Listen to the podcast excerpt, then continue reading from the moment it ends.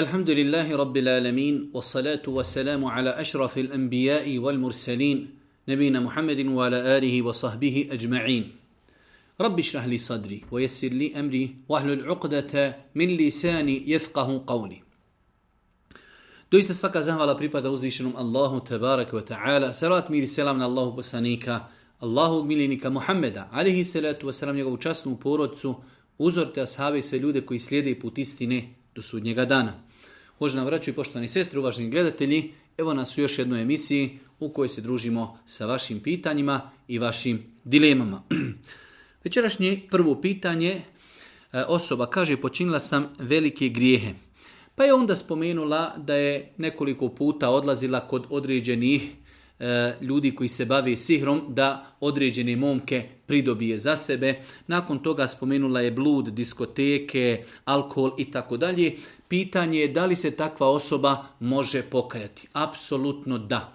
Ako je uzvišeni Allah subhanahu wa ta'ala dopustio ljudima koji su 30, 40, 50 godina bili u širku, u kufru, u nevjerstvu, dozvolio im je i omogućio da se pokaju i vrate uzvišnom Allahu, pa da se neko vrati ko se deklariše kao musliman, ali je činio određene grijehe, neke iz neznanja, neke u znanju, u svemu tome znači e, Takve osobe su mnogo prioritetnije da kažemo da se i one mogu vratiti uzvišenom Allahu te tako da naš savjet e, ovoj osobi, a i drugim osobama koje su nas kontaktirale po sličnim pitanjima, pokajati se može svako. Da bi pokajanje bilo potpuno i primljeno kod Allaha treba da se ispunu, ispuni tri uvjeta, da čovjek ostavi gri odma, da odluči da se više nikada njemu neće vratiti i da se u srcu svome kaje zbog svega što je bilo.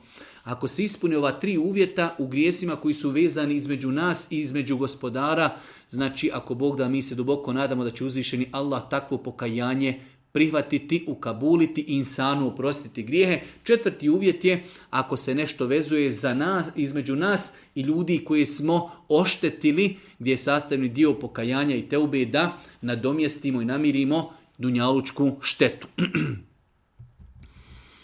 Drugo pitanje, E, možete li mi reći značenje imena Umu Kulsum? Umu Kulsum, e, jedna od čirki Božih poslanika, ali se sam zvala se Umu Kulsum. E, šta je značenje Umu Kulsum? To je u arapskom jeziku značenje osoba koja ima bujne obraze Znači osoba koja ima, ali je to u pohvalnom smislu, ima bujne obraze, ne prekomjerno da bi to bila mahana i da bi to bilo e, predmet, ne daj Bože, izrugivanja, već osoba, hajde da kažemo, sa bujnim, lijepim obrazima. To je neko jezičko značenje u arapskom jeziku umukulthum. Zanima me da li je sporno da brat od buduće supruge bude jedan od svjedoka na širijetskom vjenčanju. Da li je sporno da brat od djevojke koja se udaje bude njen svjedok na vjenčanju. Velik broj učenjaka je to smatrao neispravnim, ali ne postoji dokaz na osnovu kojeg bi mogli reći da je to neispravno. Tako ako se radi o osobi e, koja je pravedna, koja je poznata po ahlaku, moralu, prakticiranju vjeri, to što je on brat djevojci koja se ne čini ga da ne može biti e, svjedokom, tako da nema nikakve smetnje ako Bog da, ako on ispunjava uvjete e, šahide i adl. Boži poslanik kada govori o braku, kaže e, neispravan je brak osim u saglasnosti staratelja i da prisustvuju dva pravedna, poštena, moralna svjedoka. Ako on ispunjava ove druge uvjete, to što je on brat djevojci koja se ako Bog da nije sporno, može da bude svjedok. Kako se pušta brada pravilno, po sunnetu? Pitanje malo nejasno, šta znači pustiti bradu po sunnetu, ali evo možemo spomenuti nekoliko stvari. E, u osnovi puštanje brade je naređeno mnogim hadisima Božijeg poslanika, na osnovu čega su učenjaci kazali da je vađib obaveza svakom punolit muškarcu da pusti bradu. S druge strane, haram je, kao što navodi Ibnu Hazm, po konsenzusu učenjaka brijati bradu. Znači, Pustiti bradu je obaveza, brijati bradu je e, strogo zabranjeno. Boži poslanik je izrekao dosta hadisa u kojima je naredio muškarcima da puštaju brade. Ostaje moment ako doista, znači Boži poslanik nigdje nije zabilježen u na hadisima da je kratio bradu ni u dužinu ni u širinu. Ali, kažu islamski učenjaci, pošto je brada Božijeg poslanika bila u toj nekoj veličini, znači kao dužina šake, znači e, brada koja prelazi dužinu šake, ako bi čovjek to skratio, znači inšala biznila, shodno fecama ashaba, nadamo se da čovjek nije griješan. Znači, e, nema smetnje da čovjek uzme svoju bradu i ono što prijeđe preko šake da to znači osjeće i da na taj način uredi svoju bradu. Nadamo se inšala da čovjek nije zbog toga griješan.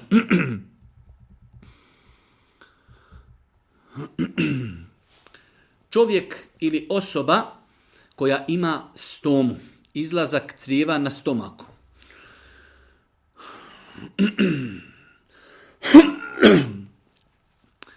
Ne može kontrolisati stolicu niti vjetrove. Pretpostavljam da tako ne mogu ići u džamiju da klanjaju namaz u džematu. Ali postoji mogućnost irigacije crijeva. Crijeva se očiste i te osobe onda nemaju stolice 24 sata. Da li takve osobe mogu ići u džemat? E, nije tačno da čovjek, jer osoba koja ima ugrađenu stomu u islamu se smatra sahibi uzr. Osoba koja jednostavno ima kontinuiran problem i nema smetnje da takve osobe idu u džemat. Nema smetnje da takve osobe idu u džemat. Znači, iako učenjaci su tu podijeli u dvije kategorije, imam osobe koje imaju kontinuiran problem. Evo u ovom slučaju je izlazak iz crijeva ili kontinuiranje puštanje vjetrova, nekontrolisanje mokraće ili kad su pitanje žene nekontrolisano krvarinje. pa kažu islamski učenjaci, ako se radi o osobi koja kontinuirano ima problem, takva osoba kada nastu, kada ezan zauči, kada nastupi namasko vrijeme, uzet abdest i može čak ići i klanjati klanjati u džamiju. Makar u toku e, namaza i e, desilo se nešto što će pokvariti abdest, ona će klanjati njen namaz je validan. Za razliku od druge kategorije ovih osoba, gdje osoba ima periodične, znači, e, E, kvarenje abdesta, periodičan isticanje mokraće, periodično isticanje krvi ili izlazak iz crijeva periodičan izlazak određenih stvari iz crijeva ili isticanje krvi, tada su učenjaci kazali da će osoba sačekati period kada ništa ne ističe, makar ne otišao u džemat. Ako znači periodično to ističe, on će čekati dok zaustavi se isticanje, tada će abdestiti, tada će klanjati. Ako namaz u džematu stigne, stigo jest, ako ne stigne, onda će klanjati sam kod kući. Da li je dozvoljeno nositi bundu od pravog krzna lisice i drugih životinja? Kada su u pitanju životinje, životinje se mogu podijeliti u dvije kategorije. Životinje čije meso je jestivo i životinje čije meso nije jestivo. Životinje čije meso je jestivo, njihova koža se može štavljenjem očistiti ako su uginule. Ako su takve životinje uginule, njihova koža se štavljenjem može očistiti. Znači imamo životinje jestive i nejestive. Životinje koje su jestive, ako bi ih našli da su uginule ili su ubijene, ako uštavimo njihovu kožu, njihova koža je čista. Životinje koje su nejestive, kao što je vuk, kao što je lisica, kao što je medvjed i tako dalje, takve životinje, njihova koža, štavlje njem ne postaje čista. Po mišljenju apsolutno velike većine islamskih učenjaka životinje čije meso nije jestivo, u ovom slučaju lisica, njeno meso nije jestivo, štavljenjem takve kože ta koža se ne može očistiti, ona ostaje mrljina i ostaje nečista s aspekta islama. da li je dozvoljno nositi piđamu sa crtanim likovima na njoj? svakom slučaju, ako se radi o velikim osobama, ljudima, smatram da to svakako treba izbjegavati. Velika većina učenjaka savremenog doba smatrala je da je zabranjeno nositi takvu odjeću. Ako bi se radilo o djeci, možda da čovjek tu bude malo tolerantniji, ali svakako da je bolje i u pogledu djece to izbjegavati. Bolje je to u pogledu djece izbjegavati kad su u pitanju e, velike osobe, znači velika većina islamskih učenjaka savremenog doba smatrala da je zabranjeno nositi odjeću na koju imaju likovi.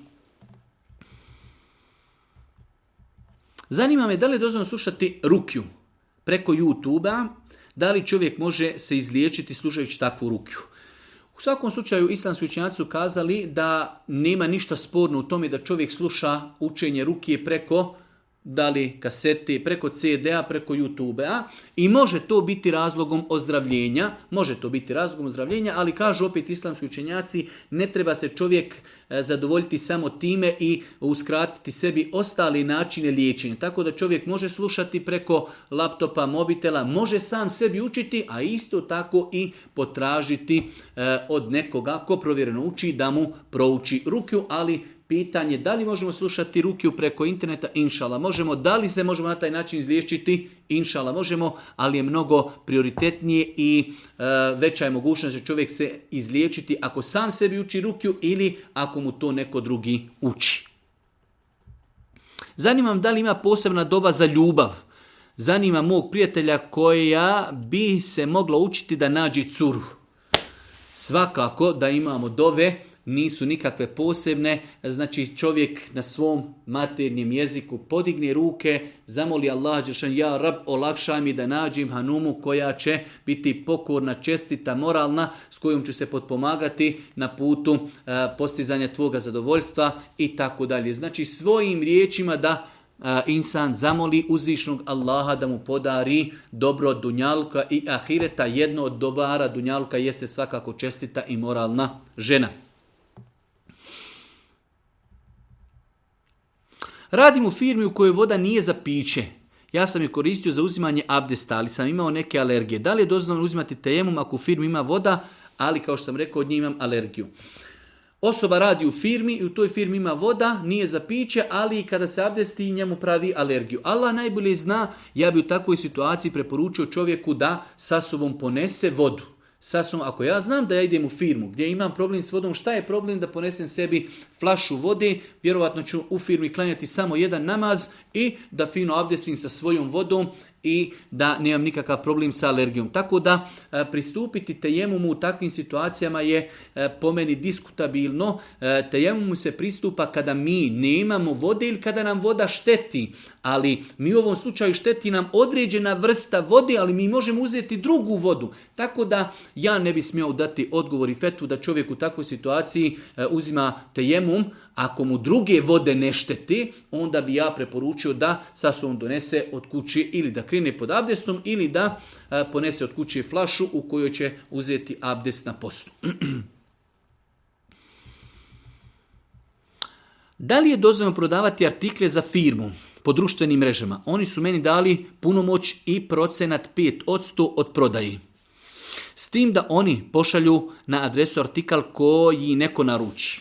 Znači čovjek ima firmu, našao je nekoga ko mi je dao punomoć da prodaje njegove artikle, ovaj kada proda, firma to šalje, ovaj naplaćuje 5%, 5% zarade, nema u tome ništa sporno. To je u islamu znači e, davanje punomoći, bitno je da samo proizvod koji se prodaje je halal i dopušten. Tako da čovjek nekomu da zeleno svjetlo i kaže vidi ja imam, ne znam nija bilo koja da se radi e, roba koja je halal, imam laptope, imam mobitele, imam jabuke, imam kruške, imam torbe, imam tepihe, imaš moju saglasnost i dozvolu, evo ti moj katalog, prodaj nudi ljudima. Što god da prodaš, 5% ćeš dobiti ti, samo nam reci ko je rekao da želi kupiti, mi ćemo mu to dostaviti na adresu. Ima li išta sporno u tome? Ništa sporno, čak šta više, izuzetno lijep način posla. Čovjek tu ništa ne investira, on je samo znači posrednik, on ima puno moć, nudi ljudima, ako uspije šta prodat,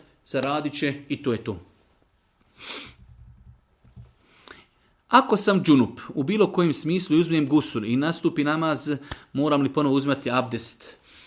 Više puta smo pojašnjavali da osoba koja se kupa od džunupluka, ako prije kupanja očisti spolni organ, nakon toga abdesti, nakon toga skvasi čitavo tijelo, ne uradi ništa što kvari abdest, niti pusti vjetar, niti e, mokri, niti nešto drugo uradi, ne dotakni spolni organ, on nakon kupanja ima abdest. Znači treba da treba da uzme abdest prije gusula, da u toku gusula ne uradi ništa što kvari abdest, nakon, tog, nakon, takvog, nakon takvog gusula ima, ima abdest. Ali je uvjet da je to kupanje od džunupluka, ne kupanje zbog tuširanja. Znači onako higijenski. Znači ako se kupa od džunupluka, ako je abdestio prije e, kupanja, ako u toku kupanja nije uradio ništa što kvari abdest, nakon takvog kupanja čovjek ima abdest.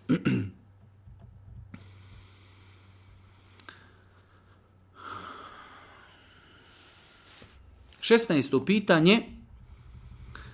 Zašto životinja mora biti zaklan da bi meso bilo halal? Da li postoji razlika u kvalitetu mesa ako je meso zaklano ili ubijeno pištoljem u glavu? Eh, Allahu poslanik ali se letu sram, odnosno eh, postulati naše vjere, strogo su zabranili da se jede meso koje je ubijeno i smatra se mrljinom. Eh, meso da bi bilo jestivo treba da se zakolje na način kako je to pojašnjeno. Tako da, da li postoji razlika u kvaliteti, to nas uopšte ne interesuje. Naše je da se pridržavamo onoga što nam je naredio i što nam je pojasnio naš gospodar uzvišnji Allah tala u islamu životinja znači koja je ubijena smatra se mrljinom makar to bila e, životinja koja je u osnovi jestiva znači krava ako uzmemo pištolj i ubijemo je u glavu i nakon toga je ogulimo i jedimo to meso je haram zato što je to mrljina e, tako da tu trebamo stati. Iako gledano s aspekta medicinskog, možemo o tome govoriti da prilikom klanja životinje iz E, tijela životinje iziđe krv, a svi znamo da je krv glavni nosioc bolešćuga i tako dalje, ali ne želimo da ulazimo u takve teme, apsolutno dovoljno nam je da znamo ono što nam je naredio naš gospodar, to je halal i dopušteno, ono što nam je zabranio, to je zabranjeno, a bez da ulazimo e, u detaljisanje zašto je tako. Tako da postoji velika razlika u mesu koje je halal i haram, jedno je dozvoljeno, jedno je zabranjeno, i to je to.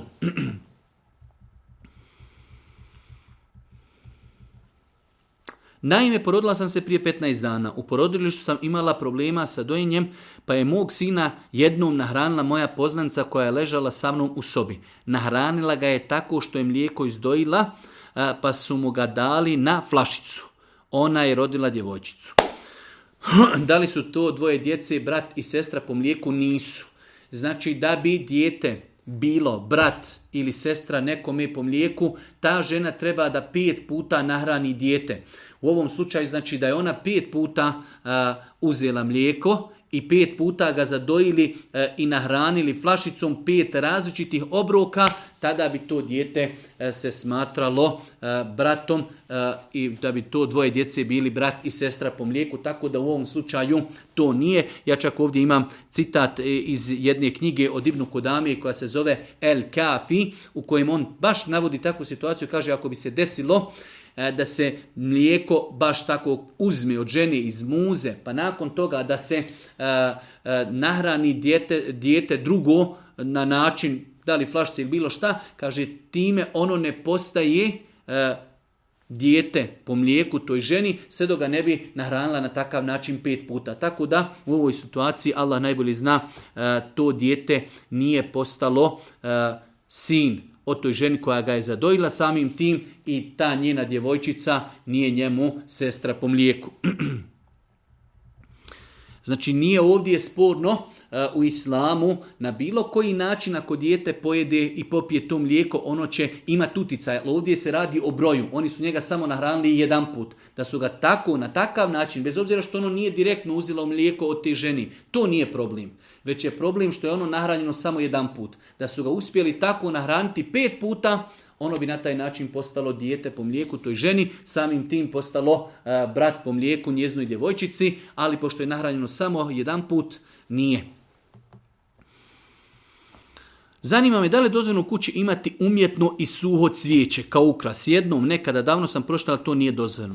Nije mi poznat dokaz koji sprečava da čovjek u kući može imati umjetno, suho, vještačko cvijeće, bilo koje druge znači, e, opcije. Ne znam, ne znam da postoji dokaz koji to zabranjuje, tako da osnove da takve stvari se mogu držati u kući.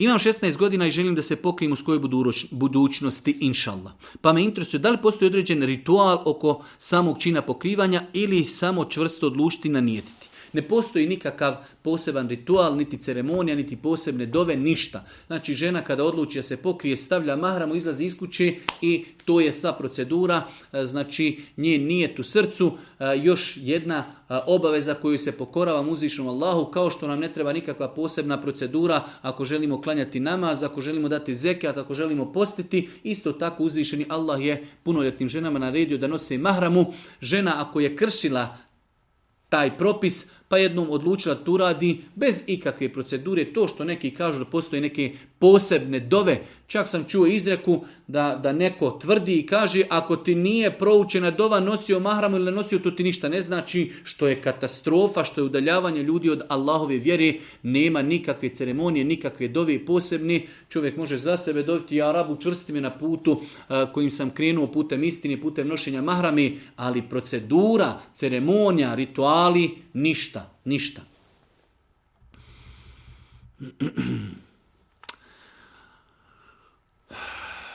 Jedna sestra se javila kada je udala sam se za čovjeka koji nije bosanac, ona je spomenula eh, odakle je. E, on ima jednu jako blisku prijateljicu i sa njom se čuje po svaki dan i tako dalje, dopisuju se. E, u početku ona mislila da je to njegova neka rodica, poslije se ispostavilo to nije žena rodica, da je žena bila udavana i da je razvedena i kada je sugerisala svome mužu da joj to smeta, e, on je rekao da nju doživljava kao svoju rođenu sestru i tako dalje i tako dalje. U svakom slučaju ispravan je postupak ove naše sestre koja je sugerisala svome mužu da nema pravo da se dopisuje sa tom ženom. Znači, eh, na takav način svakodnevno se čuju poruke dopisivanja Znači, e, to je u islamu zabranjeno. Ako ta žena, ako on toj ženi nije trajni mahrem, nema se on šta sa njom dopisivati. E sada, kako će to žena riješiti? Opet se vraćamo na naša stara pravila. Savjet, dijalog, kritika, e, pokušati nekoga drugog uvesti da ga posavjetuje i tako dalje. To je ono što insan može da uradi, postaviti kontra pitanje, dobro, jesi li zadovoljan da se ja dopisujem s drugim muškarcima, ako ima u njemu ljubomore, ako zna vjeru svakako će kazati pa nisam zadovoljan da se dopisuješ sa drugim muškarcima, pa dobro, ako se ja ne mogu dopisivati sa drugim muškarcima, kako se ti možeš dopisivati sa drugim ženama i znači odgovor na to je više nego jednostavan. Ja vas zamolio da mi kažete i ujasnite jednu stvar.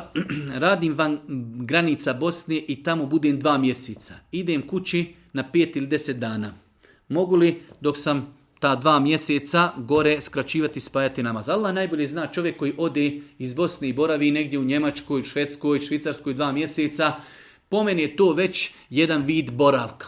Da čovjek ode da gore ode nešto, ima nekog posla, pa ode 7 dana, 10 dana, 15 dana, vrati se. Ali čovjek kontinuirano e, boravi gore po dva mjeseca, dođe u Bosnu, e, boravi 5, 7, 10 dana, pa opet gore dva mjeseca. Mislim da taj čovjek ima dvije adrese, on može kratiti i spajati namaz u toku svog putovanja iz Njemačke za Bosnu, iz Bosne za Njemačku, ali kada gore dođi, on ima kuću, boravi dva mjeseca, on jednostavno ima dvije boravne adrese, tako da ne mislim da se takva osoba može smatrati musafirom.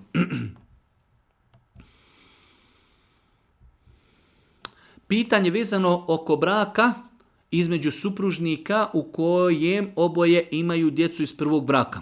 Da li su ta djeca stranci jedni drugomi? Znači čovjek je imao djecu iz prvog braka, žena ima djecu iz prvog braka i oni su se uzeli. Da li ta njihova djeca su, da li imaju pravo da stupe u brak? S aspekta islama da. Moramo napraviti razliku s aspekta islama. Čovjek je imao ženu i dobio djecu. Nakon, a žena imala muža i dobila djecu.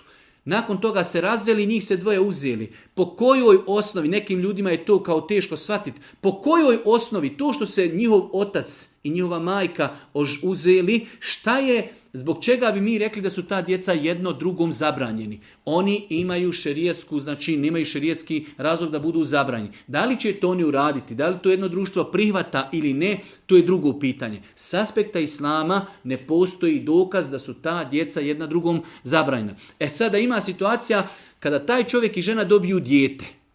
To dijete će kazati moja sestra po majci udala se za moga brata ocu. Ali u tome nema ništa sporno šerijatski. U tome nema ništa sporno šerijatski i sutra ta djeca kako odrastaju, oni jednom drugome nisu mahremi, oni treba da žive, hajde da kažemo, baš tako, kao da jednostavno e, ne postoji ništa što i vezuje u tom šerijetskom smislu, moraju biti odvojeni. Znači djeca od te žene kada napune punoljetstvo, pa i prije toga moraju da budu odvojeni od ove djeci njegove iz prvog braka. Džaba je teška situacija, ali to su ti neki, da ih nazovemo repovi i vanredne situacije o kojima ljudi mojeraju razmišljati kada stupaju, kada stupaju u brak.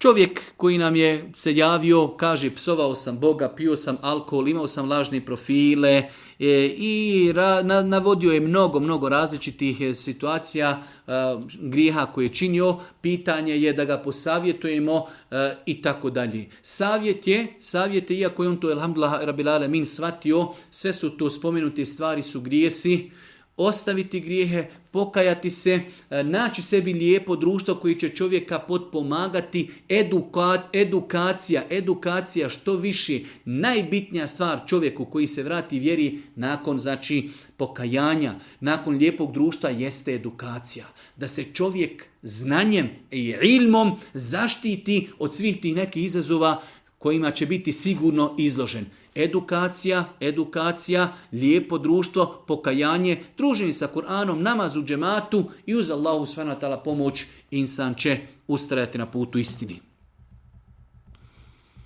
Pitanje, kakav je stav Islama po pitanju kanibalizma? Ja sam dodatno pitao ovu osobu, pošto kanibalizam znači jesti meso iste vrsti ali kada se koristi za nas ljude, onda to znači jedenje ljudskog mesa. Da li je samo jedenje ljudskog mesa dozvoljno zabranjeno, najstrožije što može biti zabranjeno. Čak interesantan podatak, vi znate kada čovjek bude u teškoj situaciji, ako mu je život u pitanju, eh, da mu je dozvoljeno da jede mrljinu, da jede, da pije alkohol kako bi sačuvao svoj život.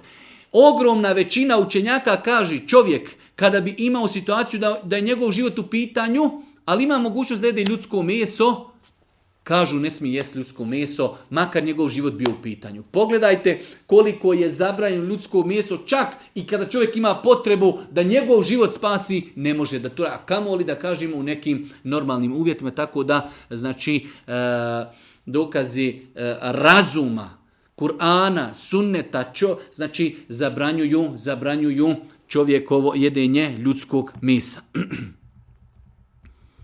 Da li je dozvoljeno koristiti kremu od magarećijeg mlijeka?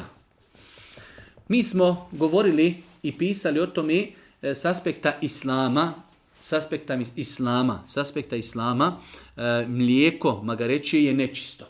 Jer meso, meso magarećije je zabranjeno za jesti. Meso magarećije je zabranjeno za jesti. Samim tim mlijeko po džumhuru islamskih učenjaka je nečisto.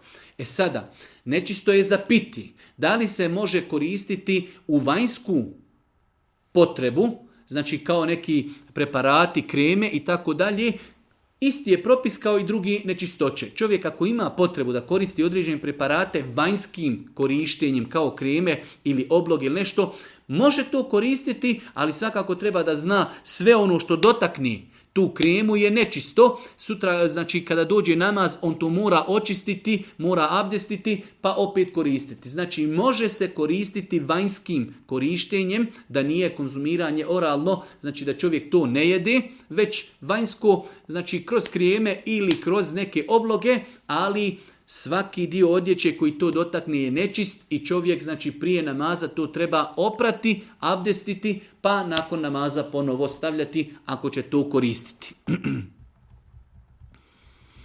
da li čovjek ima nagradu ako se suzdrži od bluda? Definitivno da čovjek ima veliku nagradu ako se suzdrži, pogotovo ako bi bio u situaciji, ako bi bio u situaciji da je pozvan na blud. Ali ako nije pozvan na blud, ako ima imao mogućnost da uradi blud, poznata mi onaj hadi iz Božih poslanika, ali se ratu sam trojici ljudi kada su e, putovali pa su ušli u jednu pećinu da, e, da zanoći, pa se jedna velika stijena odronula, zatvorila im je izlaz, pa su njih trojica spomenuli jedno veliko dijelo zbog kojeg je Allah Žešanu dao da se ta stijena pomjeri, pa je jedan od njih spomenuo situaciju da je e, znači ostavio blud onda kada je mogao da učini blud, pa je Allah zbog tog njegovog velikog dobrog djela dao tom čovjeku kerame da se njegova dova usliša i da se stijena pomjeri pa su oni nakon toga izašli iz te pećine. Tako da ostaviti nemoral, pogotovo u današnje vrijeme od strani naše omladine, definitivno je veliko, veliko dobro djelo. Da li je dozvoljeno u islamu građivanje sprava poput bypassa, paymakera, pacemakera, mehančki i bioloških zalizaka radi olakšavanja radi srca i tako dalje. U svakom slučaju, e, ne znam zašto bi se ovdje izuzimao propis od ostalih drugih propisa. Ako postoji potreba, kao što kad imamo potrebu da operišemo slijepo crijevo, da operišemo bubreg, da operišemo e, žuč, zašto bi bila razlika u operaciji srca?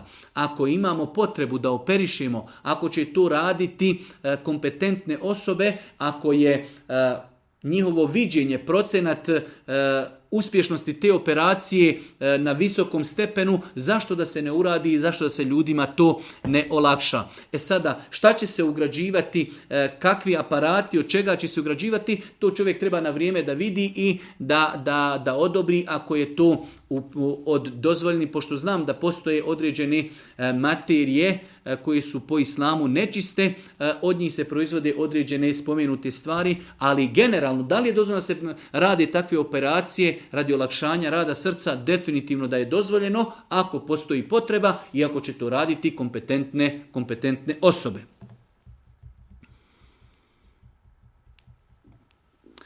Da li se smatra varanjem ukoliko se odgodi općinski brak kako bi se moglo dobivati stipendija redovnog studenta? Jedno interesantno pitanje, generalno je pravilo kada neko nešto daje pod uvjetima, dozvoljeno je da to uzmu samo oni koji ispunjavaju te uvjete. Da što, zašto i država sama pravi razliku pa kaže ovo je stipendija e, za osobu koja nije oženjena ili i tako dalje. Jednostavno se zna ako insan ima nekoga koga financira da je različita situacija od onoga koji nema nikoga koga financira. Tako da e, kada god država nešto dodjeljuje, da li je to e, pomoć, da li su bilo koje privilegije, mogu to uzimati samo oni koji istinski ispunjavaju te uvjete bez da nešto varaju. Ako ispune istinski te uvjete, imaju na to pravo bez ikakvih varanja. Ja sam majka toliko i toliko prekrasnih djevojčica. Pitanje je da li muslimanka smije otići u kliniku i tražiti da mi naštimaju spol djeteta, to jest da, da muž da muške spermatozoide i da ubrizgaju mene da dobije muško dijete. E, islamski učenjaci su smatrali da je to dozvoljeno, da u tome nema ako Bog da ništa sporno. Islamski učenjaci su smatrali da nema u tome ništa sporno. Sporno znači da osoba koja ima već nekoliko ženske djeci, e, da e, putem vještačke oplodnje, E, pokuša da dobije muško dijete, smatrali su da to se ne krši i ne kosi sa Allahovom odredbom, niti su smatrali e, da time čovjek radi nešto što je zabranjeno, tako da e, velika većina islamskih učenjaka savremenog doba smatrali su da u tom postupku nema ništa, inša sporno. Da li osoba musliman, ako sanja poslanika, dobiva status ashaba?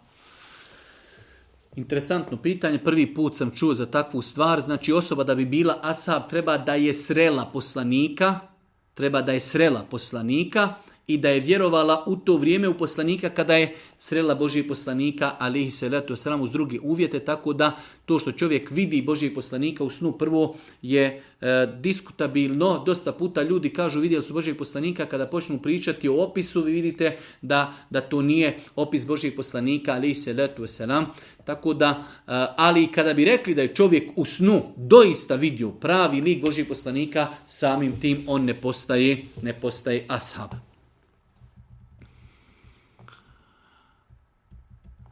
Radim kao terapeut. Tako piši, iako vjerojatno se misli na fizioterapeuta. I svakodnevno dolaze žene na tretman i masaže. Da li mi je dozvoljeno da dodirujem njihovo tijelo prilikom masaži? E, muškarac kada je u pitanju posao fizioterapeuta može da radi masaže e, znači ljudima koji su muškarci, samo muškarcima, a ženama treba da masažu daju žene tako da muškarac, znači nije mu dozvoljeno da e, prima pacijente, žene kojima će doticati tijelo i imati tretman masaži ženama kojima on nije mahrem. Primijetio sam kada klanjam u džematu kod podne namaza da neki ljudi klanjaju dva rekiata sunneta umjesto četiri. Da li je to ispravno? Ovdje se misli na dva rekiata prije farza. Da li je ispravno klanjati dva ili četiri? Generalno gledajući, pitanje na filije treba da bude pitanje široko. E, Velik gručenjaka smatrao je da 12 rekiata potvrđenih sunnita, da su to 4 rekiata prije podne i 2 rekiata poslije podne. Ali isto tako imamo hadise vjerodostojno kojima stoji da Allah poslanik nekada klanjao prije podne 2 rekiata. Tako da ne treba oko toga mnogo zatezati.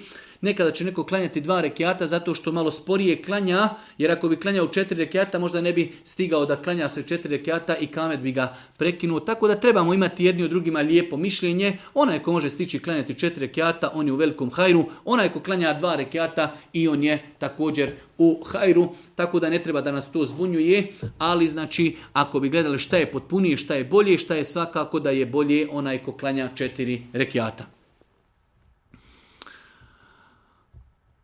rodom sam iz tog i tog mjesta, mjesto koje je meni poznato, e, igrom slučaja, života, situacije, otišao sam živjeti u Sloveniju e, kako bi zaradio za svoj život. Upoznao sam djevojku koja se vodi kao kršćanka.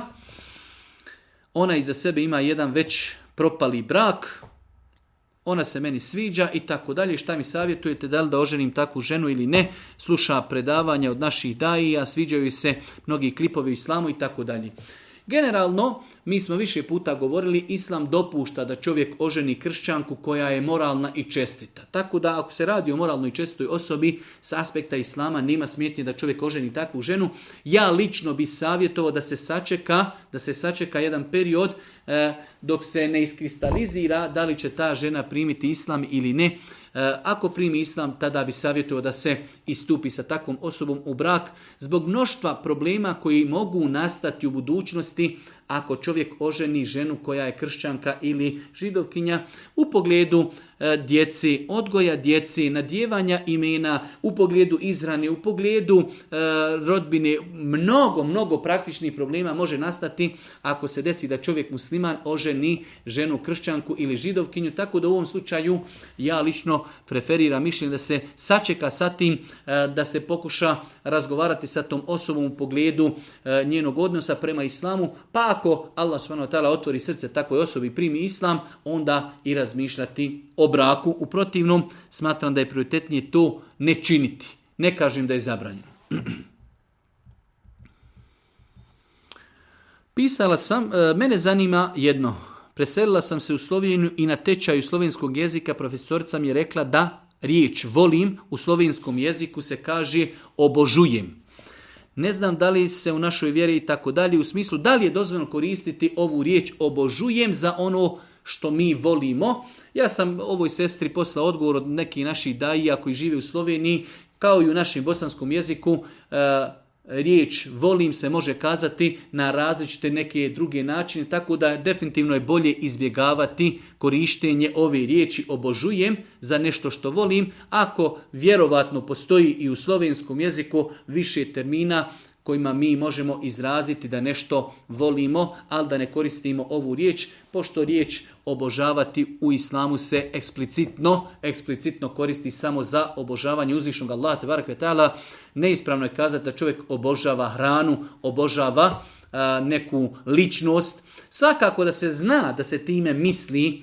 da on njega voli, ali ipak musliman mora paziti i prilikom svoga govora da njegov govor bude u skladu sa islamom. Znači, definitivno da insan kada kaže da obožava određenu hranu, da li se time misli da u njoj robuje, ne misli. Ali sam termin je neispravan, zato je bolje da to čovjek ne koristi.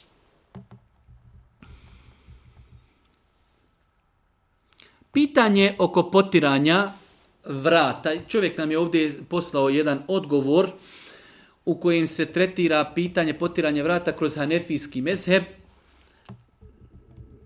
Mnogo toga bi se moglo kazati u pogledu toga, ali prva stvar, ne treba od pitanja potiranja po vratu praviti neko ključno pitanje oko kojeg ćemo se mi svađati, raspravljati i tako dalje. E, u pogledu tog pitanja treba znati nekoliko stvari. Da, e, dosta knjiga, pogotovo knjiga, e, da kažemo, koje su pisane u kasnom periodu iz Hanefijskog mezheba navode da je sunnet prilikom, sunnet prilikom abdesta potrati vrat. Ali isto tako, ako ćemo mak na konac, u knjigama Hanefijskog mezheba imamo i učenjake koji tvrde da potiranje vrata nije propisano. Nije sunnet uopšte, nije propisano da potirimo. Ako ćemo znači mak na konac, u Hanefijskom samom mezhebu imamo učenjake koji su smatrali da potiranje e, vrata nije sunnet. S druge strane, Argumenti koji se navode da je Boži poslanik potirao vrat, navode se da je potirao glavu i da bi tada potirao vrat. Ako bi prihvatili da neko potiri vrat, zašto mi imamo poseban postupak potiranja vrata? Ako već potirimo, zašto ne potarimo onako kako je to došlo u tim hadisima, a tačno je da ti hadisi nisu vjerodostojni?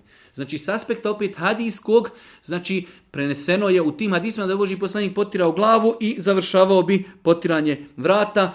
Znači, zašto mi tako ne potiremo? Potiremo na jedan drugačiji način. Pa smo i pogriješili i način. Hadisi koji govori o E, abdestu Božeg poslanika i u Buhari i Muslimu ne spominju potiranje vrata. Tako da e, definitivno je da potiranje vrata nije sastavni dio abdesta, nije spomenuto u kuranskom ajetu koji govori o abdestu, nije zabilje, nije spomenuto u najvjerodostojnim hadisima koji govori o svojstvima e, a, a, abdesta Božeg poslanika ali se letu veselam, ali u svemu tome, bez obzira to je pitanje podližno ičtihadu, mezhevska razilaženja. Ne treba od toga pitanja praviti pitanja rasprava. Ne daj Bože da neko zbog toga nekoga mrzi, preziri i tako dalje. Velik broj ljudi na našem podneblju e, to je naslijedio od ljudi od koji su učili vjeru, od efendija, od svojih učenjaka. Oni su na stavu hanefijskog meseba da je to sunnet. Tako da ne treba oko toga mnogo zatezati. Ali ako se naučno govori, onda znači trebamo znati da i u hanefijskom samom mesebu, da ne govorimo o drugim mesebima e, u kojima je bilo stavova i da je to novotarija, ali u samom hanefijskom mesebu je bilo učenjaka koji su govorili da potiranje vrata nije sastavni dio abdesta, E, s druge strane, znači mi smo e, uveli i jedan novi način potiranja vrata, nije to tako u tim hadisima spomenuto na koje se pozivamo. Ti hadisi, prema mišljenju velikog broja hadijskih eksperata, nisu autentični, nisu vjerodostojni. U vjerodostojnim hadisima Božeg poslanika, Buharije i muslima i u drugim sunenima E, kada ashabi opisuju e, abdes Božijeg poslanika ne spominju vrat, ali opet u svemu tome to je jedno od pitanja koje je ići hadu različitim razumijevanjima i satanjima i ne treba uopšte da to bude predmet rasprave među muslimanima. Da li se može klanjati sa patikama. Valjda se misli da li može čovjek pa klanjati, e, a nosi obuću.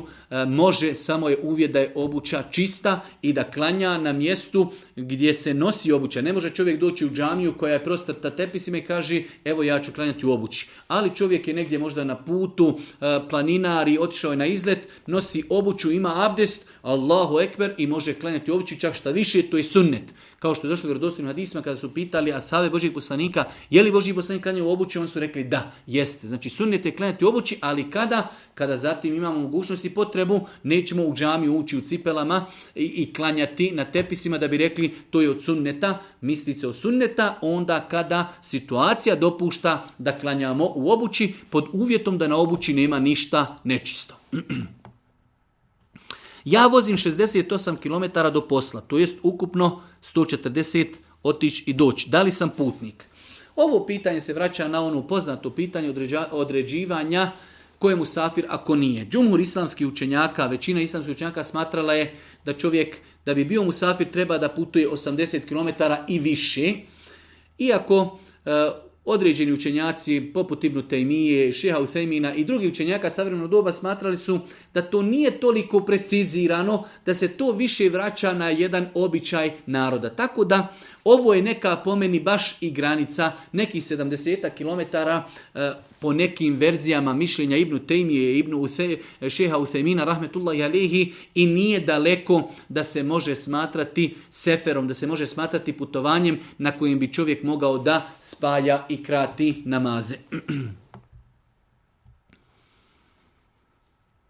Da li je dozvoljeno koliko nema slobodnih mjesta na mezarju, da se ukopa mejt u isti kabur kojim ukupan brat od mejta još prije 50 godina? Islamski učenjaci su kazali u pogledu toga da se po drugi puta kopa u isto mezarje, da treba da osoba koja je prije toga zakopana potpuno istrune do te mjere da e, ne ostanu od njega nikakvi tragovi, čak ni kosti. E, samim tim nisu to mogli precizirati zašto, kao što kažu učenjaci, zbog različite vrste zemlji. U nekoj zemlji kosti i mejit mnogo brže istrunu za razliku od neke druge zemlje, čak šta više navodili su znači da u suhoj zemlji, u suhoj zemlji e, mnogo brže mejit istruhne nego što mejit istruhne u e, vlažnoj zemlji kao što je to slučaj kod nas.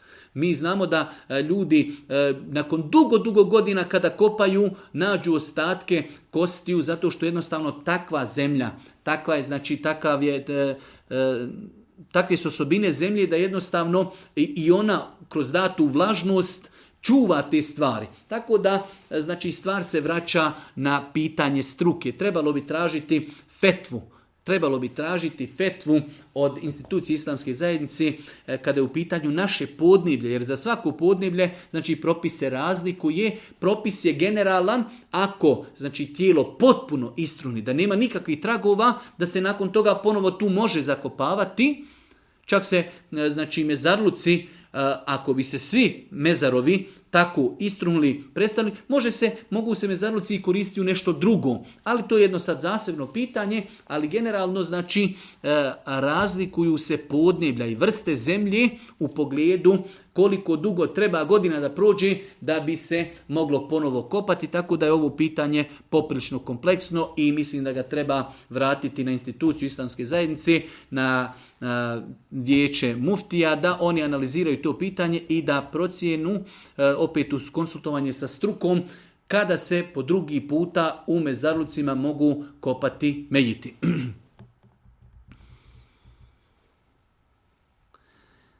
Da li je veliki grijeh ako se osoba, ako je osoba klanjala i nije uzela gusul, već samo abdest, a trebala je uzeti i gusul? Znači osoba je, nije znala, imala intimni kontakt, kako je pojašnjeno u pitanju, trebala je da uzme gusul, ali nije znala, uzimala je abdest i klanjala kao takva. Da li je griješna?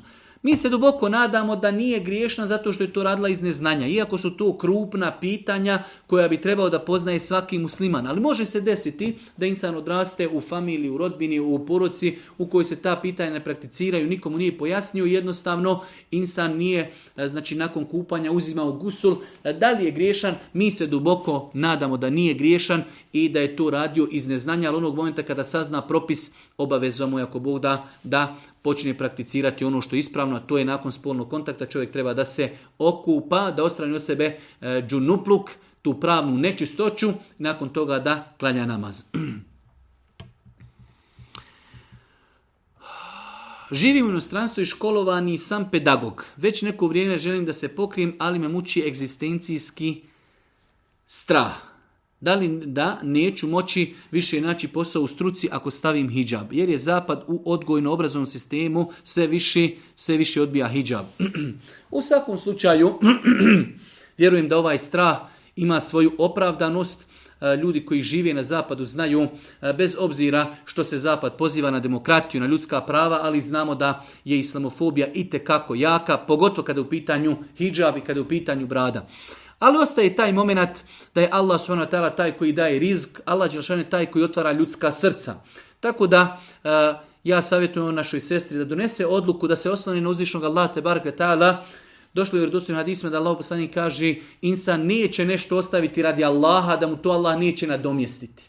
Možda u datom momentu ne misli se nadomjestiti bukvalno, ostavio sam posao, možda dobio otkaz, dobit ću bolji posao. Ali možda Allah Žešanu sačuva čovjeka od musibeta, od nedača, da mu zdravlje, da mu lijepo potomstvo, da mu lijepog supružnika. Allah Žešanu će to insanu nadomjestiti e, sigurno. Tako da insan treba da, da odluči se na taj korak, da pokaže i svoju čvrstinu, i svoj identitet, i svoju vjeru. Ako bi se eventualno desilo da izgubi posao, da pokuša tražiti drugi posao gdje će u prvim tim nekim razgovorom odmah kazati i dati do znanja da praktikuje islam, da nosi mahramu i ako ga primije, da ga primije sa takvim uvjetima. Pitanje glasi imate li neki savjet kako, na koji način čitati knjige i maksimalno učiti iz njih? Ovo je jedno veliko pitanje. Generalno, kako se okoristiti od knjiga? Kako se okoristiti od knjiga zavisi od toga šta čitamo i kakva je tema. E, primjer radi konkretno, evo rećemo fik,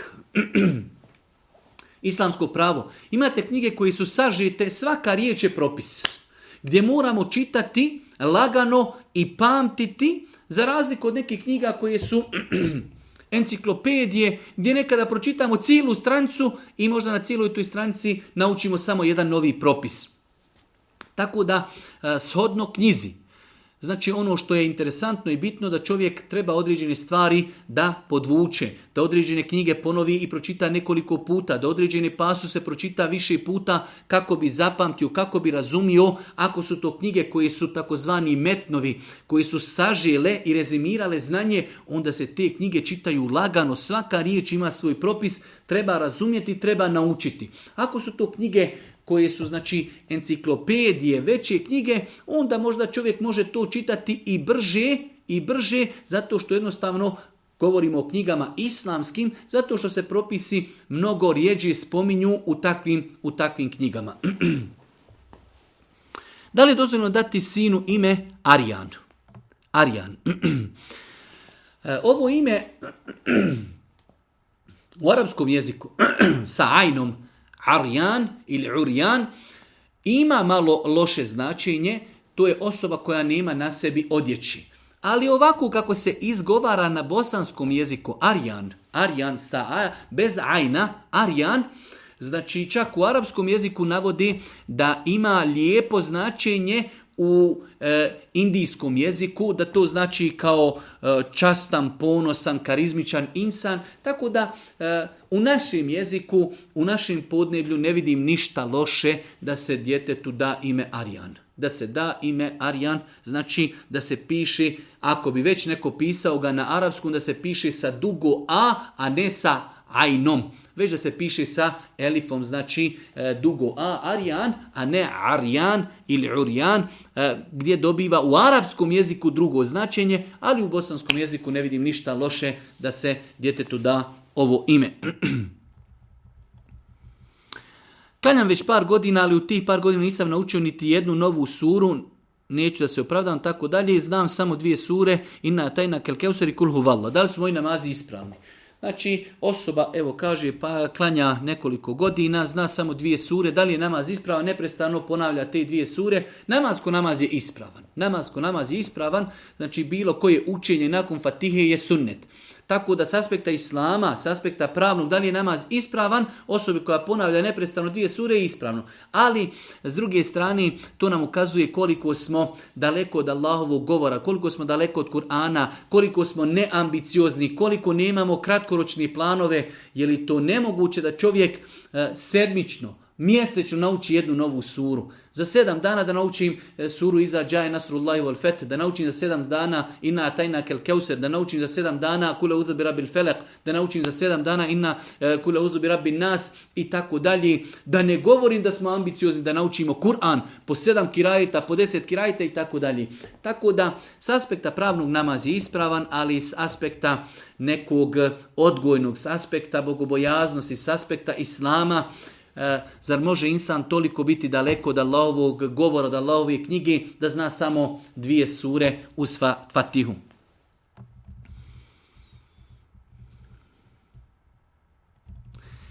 Živim u stranstvu i dobio sam ponudu za posao kao majstor na krovovima u firmi svinja. Nemam nikakvih dodira e, sa životinjama, samo radim popravke mašina, vrata, struje i tako dalje. Znači čovjek je na farmi, koja uzgaja samo svinje, da li on tu može biti kao neki domar, neko ko će to održavati, Allah Želšanu najbolje zna, e, znači da se radi o farmi e, koja ima krave, koja ima koze, koja ima ovce, da, ali e, biti neko ko će potpomagati, održavati proizvodnju svinjetnju koja je islamu strogo zabranjena, definitivno je jedan indirektan način potpomaganja toga. Vidjeli smo kada je e, došlo vjerodostojno hadisima alkohol zabranjen, zabranjen je lanac osoba, deset osoba su proklijete zbog alkohola. Pa onaj ko berije, pa onaj ko cijedi, pa ko onaj toči, pa onaj ko nosi, pa onaj ko pije. Svi prokljeti. Tako da, وَتَعَوَنُ عَلَى الْبِرِّ وَتَقْوَ وَلَا 'alal ismi wal udwan, Potpomažite se na dobru i e, dobročinstvu, nemojte se potpomagati u grijehu. Pa ako je ta farma eksplicitno vezana za svinje, Allah najbolje zna zabranjeno raditi takav posao. Čovjek koji nije išao u Mekteb, nije davao hatmu i tako dalje, da li danas može da nauči namaz tako što će slušati preko videa youtube i da li je namaz takav primljen? Apsolutno, one osobe, zbog takvih osoba smo i mi konkretno i snimali te video snimke koji, u kojima smo pojašnjavali ljudima kako se uzima abdest i praktično i teoretski, kako se klanja pojašnjenje teoretsko, zatim praktično. Baš zbog tih osoba imamo generacije ljudi koji su odrasli, nisu išli u Mejtev, nisu imali priliku da se poduči i nauči tako da nima smetnje da se čovjek pregleda, presluša, prepiše određene stvari i da se putem e, tih video snimaka poduči namazu i ako Bog da mi se duboko nadamo da će njegov namaz biti validan i primljen. Da li je dozvoljno klanjati dženazu na mezarlucima u groblju?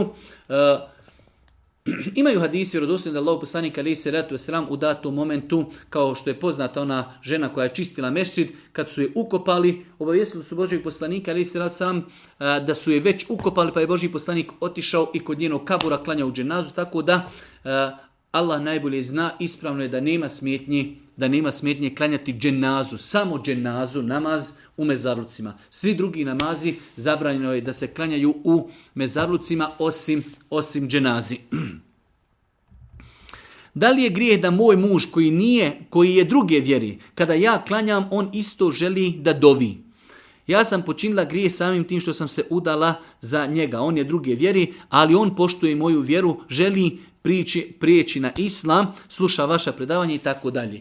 U svakom slučaju malo pitanje i poteško i komplikovano, ali pitanje može li taj čovjek dobiti? Može, svakako da može dobiti. E, taj čovjek nije musliman, ženi muslimanki kao što stoji u pitanju, žena je svjesna da je uradila grijeh, tako da nadati je se, moliti Allah da što prije tom čovjeku otvori srce i podari uputu kako bi ako Bog da taj brak bio validan i ispravan. Da li u islamskom učenju Kur'anu imamo ikakve dokaze da je Bog stvorio čovjeka odmah onakav kakav jeste danas ili je dolazilo do promjena? ono što mi možemo uh, odgovorno tvrditi jeste da je došlo u vjerodosnim hadisma da je Allah poslanik spomenuo da je uzvišeni Allah Adem alaihi salatu wasalam stvorio i kada ga je stvorio bio je visine 60 podlaktica.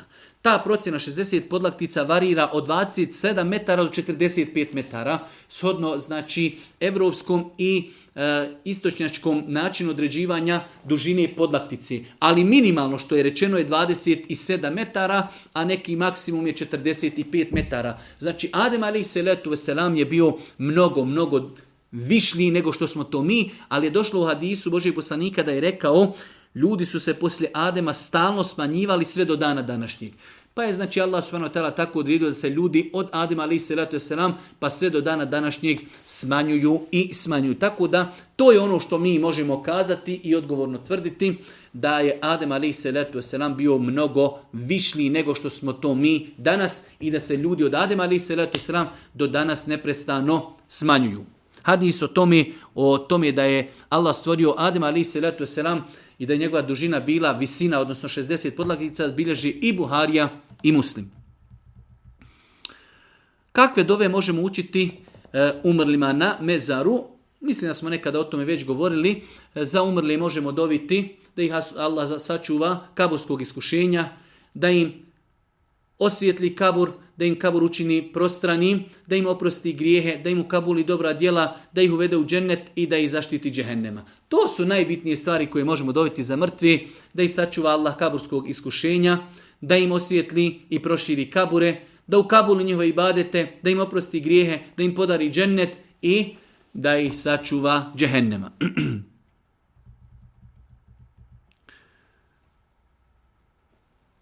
poštovanje, zanima me da li je haram vrijeđati cimera kroz šalu i govoriti mu da se ubije. Zanima me da li je haram vrijeđati cimera kroz šalu. Bilo kakav vid vrijeđanja, bez obzira da li se radilo o šali ili o zbilji, je zabranjen. Znači vrijeđati nekoga, bez obzira da li se mi šalili ili ne, ali ipak Znači ima i šala, ima svoje granice u islamu, tako da vrijeđati nekoga, bez obzira da li se radilo o šali ili o zbilji, nije ispravno i nije, minimalno što možemo kazati, nije moralno. Shodno opet e, vrijeđanju koje bi čovjek kazao, može to biti haram, a može to biti nešto što ne doliči čovjeku vjerniku i govoriti nekome da se ubije definitivno da to vjernik ne treba govoriti nikome. Molim uzvišnog Allah subhanahu ta'ala da nas poduči korisnom znanju. Molim ga subhanahu ta'ala da nam bude milostiv na sudnjem danu i na kraju subhanike Allahumma da bihamdike, ešhedu in la ilaha in stakfiruke, ve tubu ilik. Ah.